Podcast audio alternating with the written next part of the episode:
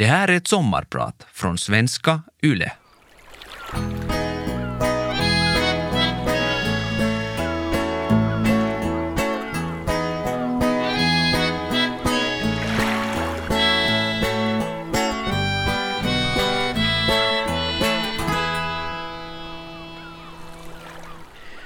Döden, döden, döden.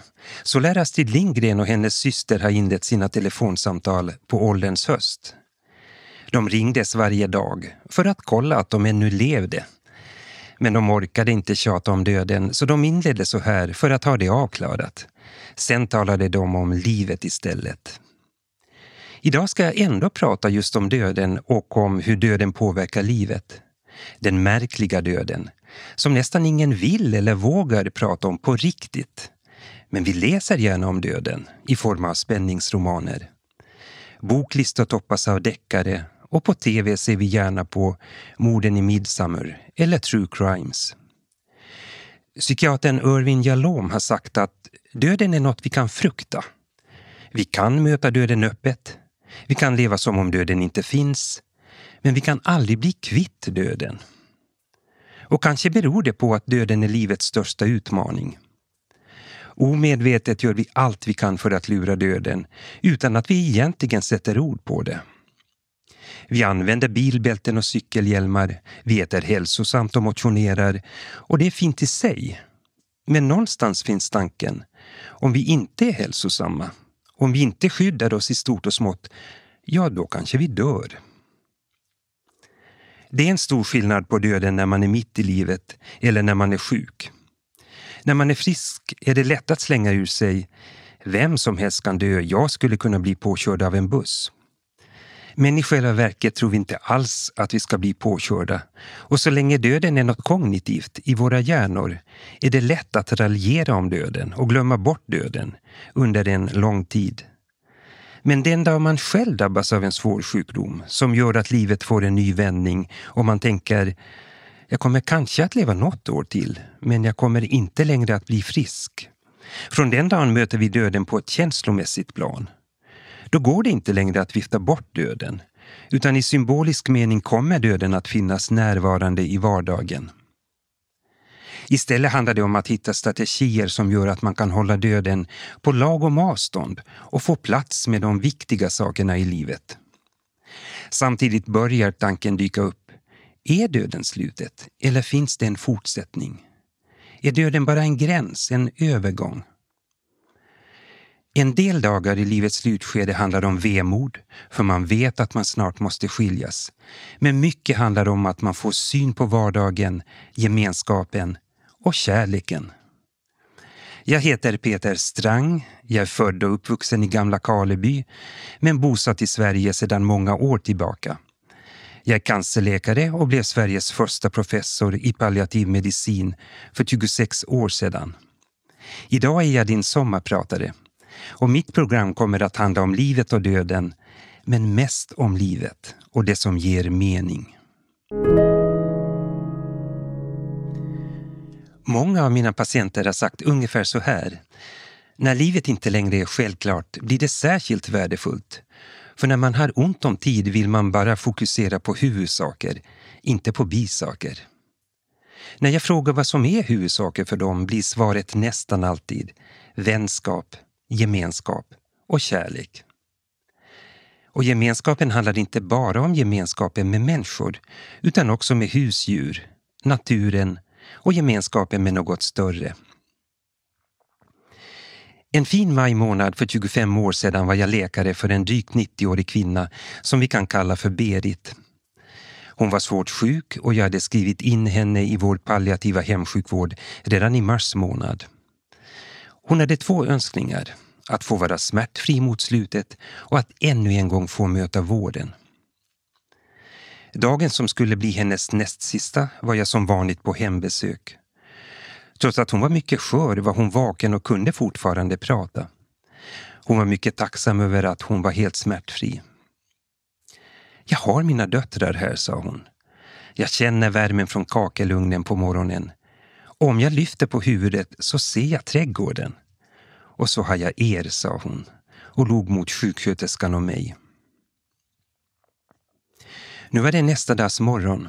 Jag hade kommit till jobbet och fått veta att Berit gått bort halv åtta och jag ville åka ut för att konstatera dödsfallet och för att prata med döttrarna. När jag kom fram till sekelskiftesvillan och svängde in på gårdsplanen fick jag en otroligt stark känsla av liv, vilket kanske låter paradoxalt när jag är på väg för att konstatera ett dödsfall. Luften var hög och klar. Trädgården var intensivt grön. Häggen stod i full blom och det var dagg i gräset. När jag steg in i huset hittade jag döttrarna i vardagsrummet. Vet du, sa den ena dottern, Berit fick avsluta sina dagar i samma sovrum där hon föddes för 91 år sedan och det är vi så tacksamma för. Fortfarande igår ville hon att vi skulle värma kakelugnen. Framåt morgonen var det bara glöd kvar men vi såg hur nöjd hon var. Sen gled hon lugnt ifrån oss. Vi hade ett långt samtal och när jag steg ur huset slogs jag av försommarvärmen och grönskan. Det skulle bli en varm dag och jag kände lycka. Det var en lyckokänsla som jag ännu inte hade ord för men som jag senare har återkommit till och det handlar om att vi behöver livet för att klara av att dö. För livet behövs som en buffert eller stötdämpare mot döden. Vi behöver naturen, det beständiga. Vi behöver ljuset och soldagarna. Vi behöver vardagen. Och framför allt, vi behöver gemenskapen. Allt det här fanns där den där dagen i maj. Och jag kände en lyckokänsla bubbla upp i mig. För en kort stund kändes det nästan som om jag förstod hur livet och döden hängde ihop. Sen försvann det igen. Men lämnade mig med en bra känsla. Jag har arbetat i 40 år med cancer och palliativ vård, alltså vård i livets slutskede. De flesta som får cancer idag blir botade och har vunnit högsta vinsten. Ändå kände jag redan från mitt första vikariat att den grupp jag verkligen brann för var de som var svårast sjuka. De som inte längre kunde botas. Som ganska få brydde sig om för 40 år sedan. Men där det fanns så mycket att göra. Min barndom var som för de flesta. Det viktigaste var mina syskon som jag lekte och bråkade med, skolan som jag alltid trivdes med, friidrotten i GIF, Gamla Karleby idrottsförening och kanske viktigast av allt, mina vänner. Många har frågat om jag var intresserad av döden redan som barn och det var jag nog, trots att jag aldrig tänkte på det aktivt. För mig har nämligen döden alltid varit en del av livet och knuten till naturens kretslopp. Vi hade en sommarstuga utanför Gamla Karleby och som barn flyttade vi ut i stugan när skolan slutade. Det var en enkel stuga som alla stugor var på den tiden. Men det var också en hundraprocentig naturkontakt. Och jag behöver bara blunda för att minnas doften av morgonluften, havet och solvarma skogsstigar och doften av vedeldad bastu. Naturen var viktig för mig och omedvetet levde jag med naturens rytm. Naturen som vaknar upp på våren, spirar och blir frodig under sommaren, vissnar framåt hösten och verkar dö när vintern kommer. Men jag lärde mig redan som barn att naturen aldrig dör. Det kommer en vår och då vaknar allt upp igen. Utan att jag satte ord på det var det nog så jag också såg på döden. Jag minns min farfars begravning när jag var fem eller sex år. Han hade varit viktig för mig och min farmor ville trösta mig på begravningen. Men jag behövde inte tröstas. Jag förstod, lillgammal som jag var, att farfar var död. Jag var ju med vid jordfästningen. Döden innebar bara att han inte skulle komma tillbaka hit till jordelivet. Men han fanns någonstans, jag kände det och det räckte för mig. Vistelsen vid havet var viktig för mig. Havet, himlen och horisonten gav mig en frihetskänsla redan som barn. Och speglingarna i vattenytan vid sommarstugan skapade en känsla av att det finns hemligheter som vi inte känner till.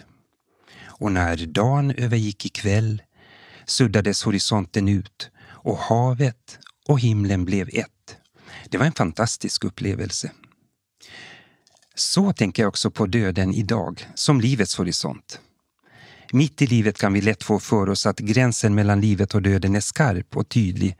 Men mot slutet kommer gränsen att suddas ut Och då uppstår nya tankar om vad döden kan innebära. Kanske döden inte är slutet. Det ska jag strax prata om. Ibland talar man om den goda döden och då kan man fråga sig, finns den goda döden? Är det inte ett hån att tala om god död när vi vet att det är så många som vill leva men inte får leva? Och precis så är det. Vi människor är gjorda för relationer. Vi trivs i olika gemenskaper och vi tycker som regel inte om att skiljas. Det finns ett franskt ordspråk som säger att skiljas är att dö en smula. Och det känns verkligen så. Det kan göra riktigt ont riktigt länge, också när man skiljs mitt i livet. Och det kan kännas som om en liten bit inom en dör. Så jag vill verkligen inte förringa det faktum att döden kan göra väldigt ont på flera plan. Det är svårt för den som är sjuk att lämna det enda man känner till, nämligen livet. Och det gör ont att bli lämnad kvar. Ändå är det så att vi någon gång måste lämna det här livet och då finns det saker som skulle kunna kallas för en god död. Berit som jag pratade om tror jag dog en god död. För henne hade gemenskapen varit det viktigaste i livet. Men också sammanhanget, att få leva hela sitt liv i det hus där hon föddes. Huset med den vackra trädgården och vinbärsbuskarna var något som hon ofta pratade om. Mot slutet var hennes högsta önskan att få fullgod hjälp med smärtan och det fick hon. En god död för mig innebär att man är klar med livet, kanske till och med mätt på livet. Viktiga mål har uppfyllts, livet har blivit en helhet utan någon känsla av ett olevt liv. Man har haft ett bra liv, men nu är man redo att gå vidare. Att man får fullgod hjälp med smärta och andra symptom är av stor vikt för en god död. Och det är vi ganska framgångsrika på idag inom den palliativa vården. Inte minst när det gäller smärta vid cancer. Vi vet att om vi gör en modern smärtanalys och skräddarsyr behandlingen kommer mer än 90 procent att bli helt smärtfria eller nästan smärtfria. Det ser vi i våra egna siffror. Ändå vet jag att kanske hälften av alla patienter inom sjukvården har störande smärta, trots att moderna metoder finns för smärtlindring. Därför behöver den här kunskapen om smärtlindring komma ut i all sjukvård, inte enbart finnas på palliativa enheter. Att man kan känna sig någorlunda självständig trots att man är svårt sjuk är en betydelsefull faktor för en god död. Om man är trygg i en relation är det inget misslyckande att be om hjälp. Man kan ändå känna sig självständig på många plan. En annan avgörande sak är att kunna ha kvar viktiga relationer också i livets slutskede. Att man fortfarande är en person, en mamma, en mormor, en farfar, visserligen sjuk, men man är inte den där sjukdomen. Att man får dö med en bevarad självbild är också viktigt. Det är så lätt att vi bara mäter oss i form av prestationer, i det vi gör, i våra yrken och titlar, istället för att vara trygga i det vi är och det vi betyder för våra nära och kära. Att få lämna jordelivet i frid utan gnagande konflikter och utan skuldfrågor som man inte löst, det är en gåva. Och när det verkligen är mot slutet och bara dagar är kvar, då vill man bli sedd som den person man är, med alla nyanser. I den palliativa vården pratar vi därför inte enbart om fysiska symptom, utan vi pratar om fyra dimensioner som bildar en helhet. Den fysiska dimensionen, alltså kroppen och symptomen. Den psykiska dimensionen med allt det själsliga, oron, ångesten, glädjen. Den sociala dimensionen, alltså relationerna och sammanhangen. Och den existentiella dimensionen, de stora frågorna om livet och döden och det som ger mening. Innan man dör vill man veta att ens nära och kära har det bra, att de kommer att klara sig, för den vetskapen skapar ett lugn. Och man vill ha den mänskliga kontakten. Sprutan är viktig, men personen som håller i sprutan är ibland viktigare. Jag heter Peter Strang och jag sommarpratar idag om livet och döden.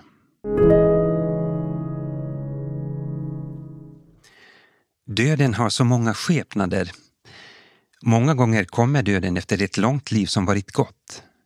Men livet är funtat på så sätt att vi får inte välja. Och ibland kommer slutet alldeles för tidigt, mitt i livet när allt rullar på och livet är som bäst. Det är klart att det är mycket, mycket svårare då.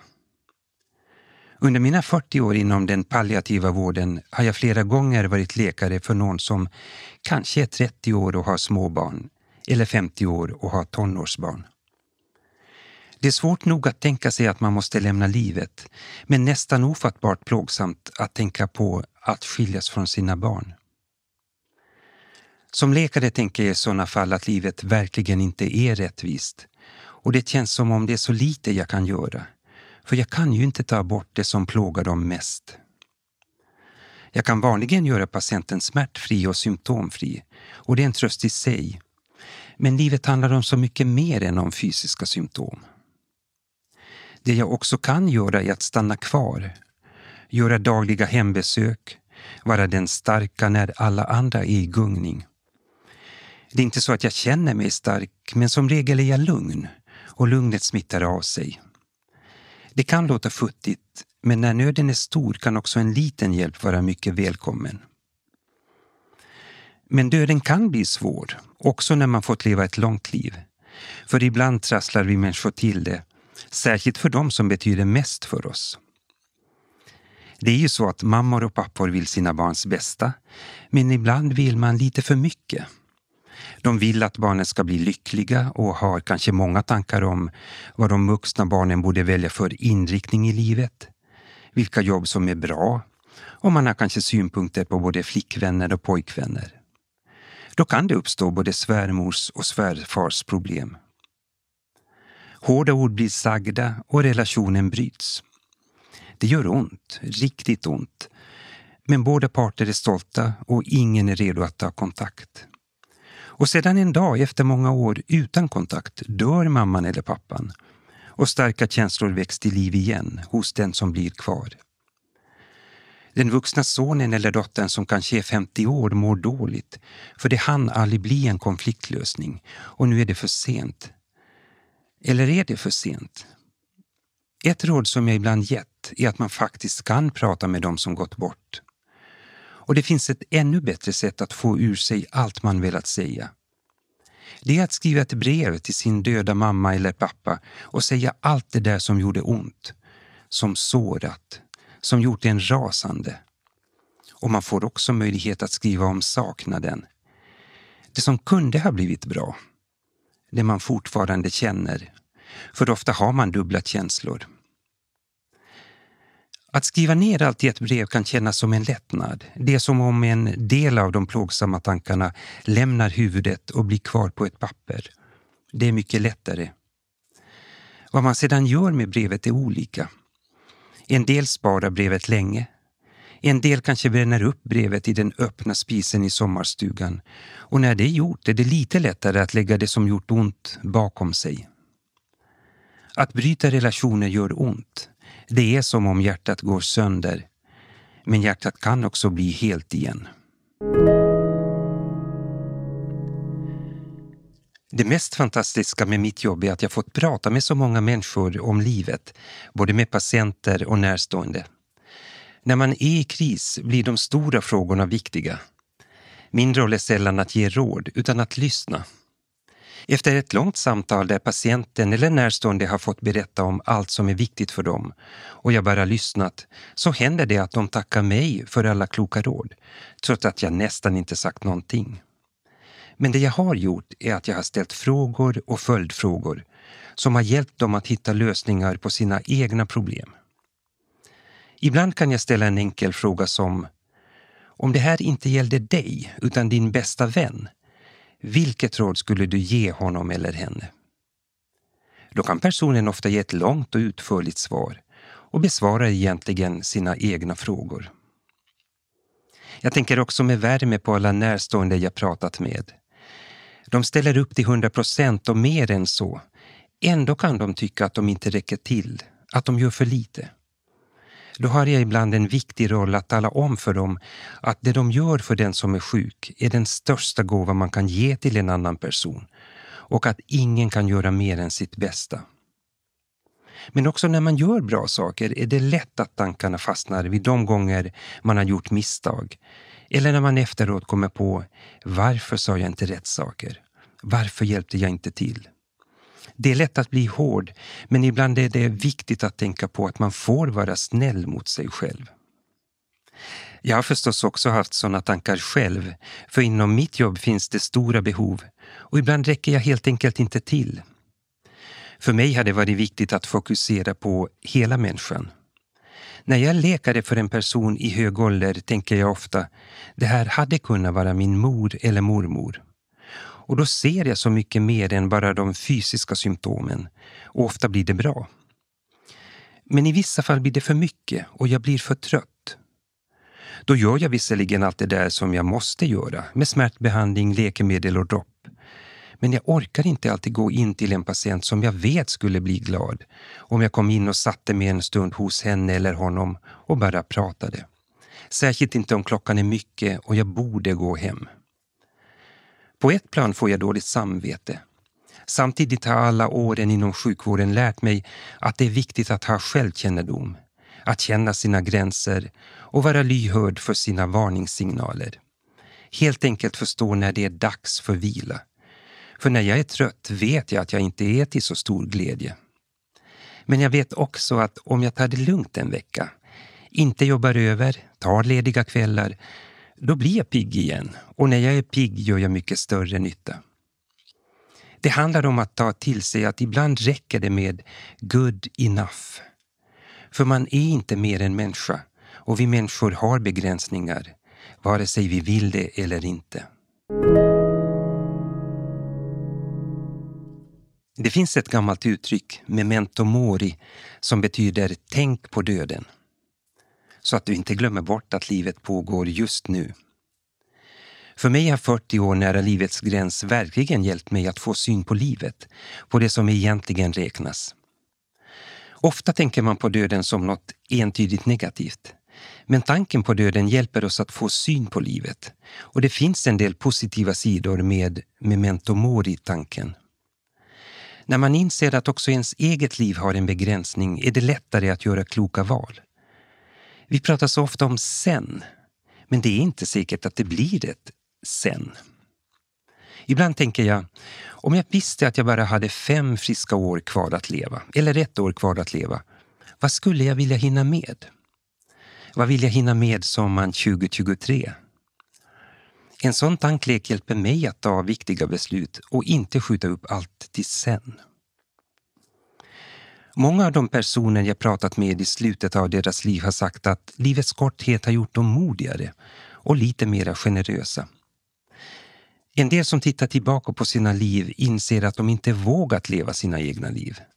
Som en gammal kvinna sa Hela mitt liv har jag gjort saker för andras skull. Gått på möten eller middagar för andras skull. Men nu när jag vet att jag inte har så mycket tid kvar har jag blivit modig. Nu gör jag sånt som jag vill och det känns ganska bra. En fråga jag fått många gånger, inte minst från närstående, är Ska man prata om döden med den som är sjuk? Eller låtsas som att allt är som vanligt? För mig som läkare blir svaret det beror på. En del som är svårt sjuka vill verkligen prata om döden, inte minst med mig som läkare. De vill vända och vrida på frågorna flera gånger. Det är ofta personer som redan har tänkt på livet och döden och nu vill de ha svar på olika praktiska frågor. Andra tycker att tanken på slutet är väldigt svår. De har frågor som de vill ställa, men på deras villkor och när de känner att de klarar av det. Då blir det ofta bra samtal. Men när vi pratat klart, då vill de prata om livet igen. Någon klok person har sagt, det är med döden som med solen. Man kan bara titta mot solen en kort stund, sedan måste man vända bort blicken för att inte bli bländad. Så är det också med döden. Man kan bara titta in i döden eller prata om döden en kort stund. Sedan behöver man vända blicken mot livet. För min egen del efter alla år som läkare i livets gränsland är inte tanken på döden skrämmande. Jag vet att vi kan göra så mycket i den palliativa vården. Och min egen erfarenhet efter att ha suttit hos många patienter ända tills de lämnat oss har gett mig ett lugn. Men samtidigt kan man fråga sig, hur skulle jag reagera den dagen det verkligen handlade om mig själv? Det vet jag förstås inte, men jag har haft en svår lungsjukdom och en cancer. Båda gångerna slogs jag av att jag inte blev rädd. Min enda tanke var att jag tycker om livet, jag vill förstås leva. Men tanken på döden var inte skrämmande. Därför känner jag mig lugn när jag pratar med mina patienter och jag hoppas att lugnet smittar av sig.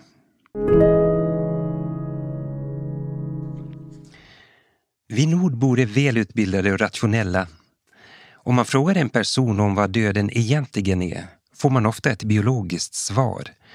Döden är slutet, det är tråkigt, men det är fakta. När jag frågar mina patienter som har kanske ett år kvar att leva så får jag samma svar. Men när jag frågar samma patienter när det bara är veckor kvar så blir svaret ofta Döden är kanske slutet, men man vet inte. Det är ju lika stor chans att livet fortsätter, eller hur? Vi människor behöver riktning i våra liv. Vi behöver mening och vi behöver hopp. Och mitt i livet finns det mycket att hoppas på. Men kan man hoppas på något i livets slutskede och vad är det i så fall som man hoppas på? Självklart hoppas man på det som är konkret. Man har kanske varit smärtfri hela veckan och hoppas att det fortsätter nästa helg, för då kan man ha barnbarnen hos sig. Kanske hoppas man att vara så pigg att man kan fira ännu en födelsedag eller bröllopsdag. Men jag vet också att man börjar hoppas på att döden inte är det slut vi tror, utan en passage till något som fortsätter. Tanken på att lämna alla som är viktiga för en alla sammanhang och själva livet är tung. Men tänk om döden innebär att man får träffa dem som gått före. Ens mormor och morfar, ens mamma och pappa. Och för den som är troende kan hoppet handla om att man får komma till sin Gud. Det här är något jag sett många gånger som läkare. Det är svårt att dö. Man vet att de sista stegen måste man gå själv. Ens friska nära och kära kan inte gå med. Ändå är det den punkt i livet när man verkligen skulle behöva någon som fanns där. Då är det inte så konstigt att man börjar tänka på de som gått före, som man litat på. Mormor, farfar. Och ofta när man tänker på dem känns det nästan som om de var här och det känns bra. En del har väldigt speciella drömmar där de viktiga personerna kommer till en. När en sån dröm börjar vet man att det inte är en vanlig dröm, utan ett meddelande om att de är här för att hjälpa mig över gränsen. Det känns bra. Men det händer också att man får vara med om det som kallas för dödsbäddssyner. Som innebär att man verkligen ser de som har gått bort, i vaket tillstånd. Plötsligt är de här, mormor och morfar, mamma och pappa, och de ser så friska och förväntansfulla ut. Och den som ser synen blir glad, för nu är de som man litat på här för att hjälpa. Vid en klassisk dödsbäddssyn är man inte snurrig i huvudet eller förvirrad, utan man vet vilken dag det är, man vet var man är, man förstår att ingen annan kan se det här. Men det spelar ingen roll. För nu är de personer man litat på här för att hjälpa en att ta de allra sista stegen till en ny gemenskap. Vad de här dödsbäddssynerna består av, det vet man inte. Kanske är det som låtsaskompisar som små barn kan ha. Men det spelar ingen roll. Det viktiga är att synerna skapar ett lugn den dag vi måste lämna det enda liv vi känner till. Jag heter Peter Strang och idag har jag varit din sommarpratare. Jag hoppas du får en fortsatt fin sommar med både sol och regn. Och nästa gång du ser en regnbåge Kanske du känner något speciellt. Du har lyssnat på Vegas sommarpratare med Peter Strang. Redaktör Thomas Lundin. Vegas sommarpratare görs av Parad Media för svenska YLE.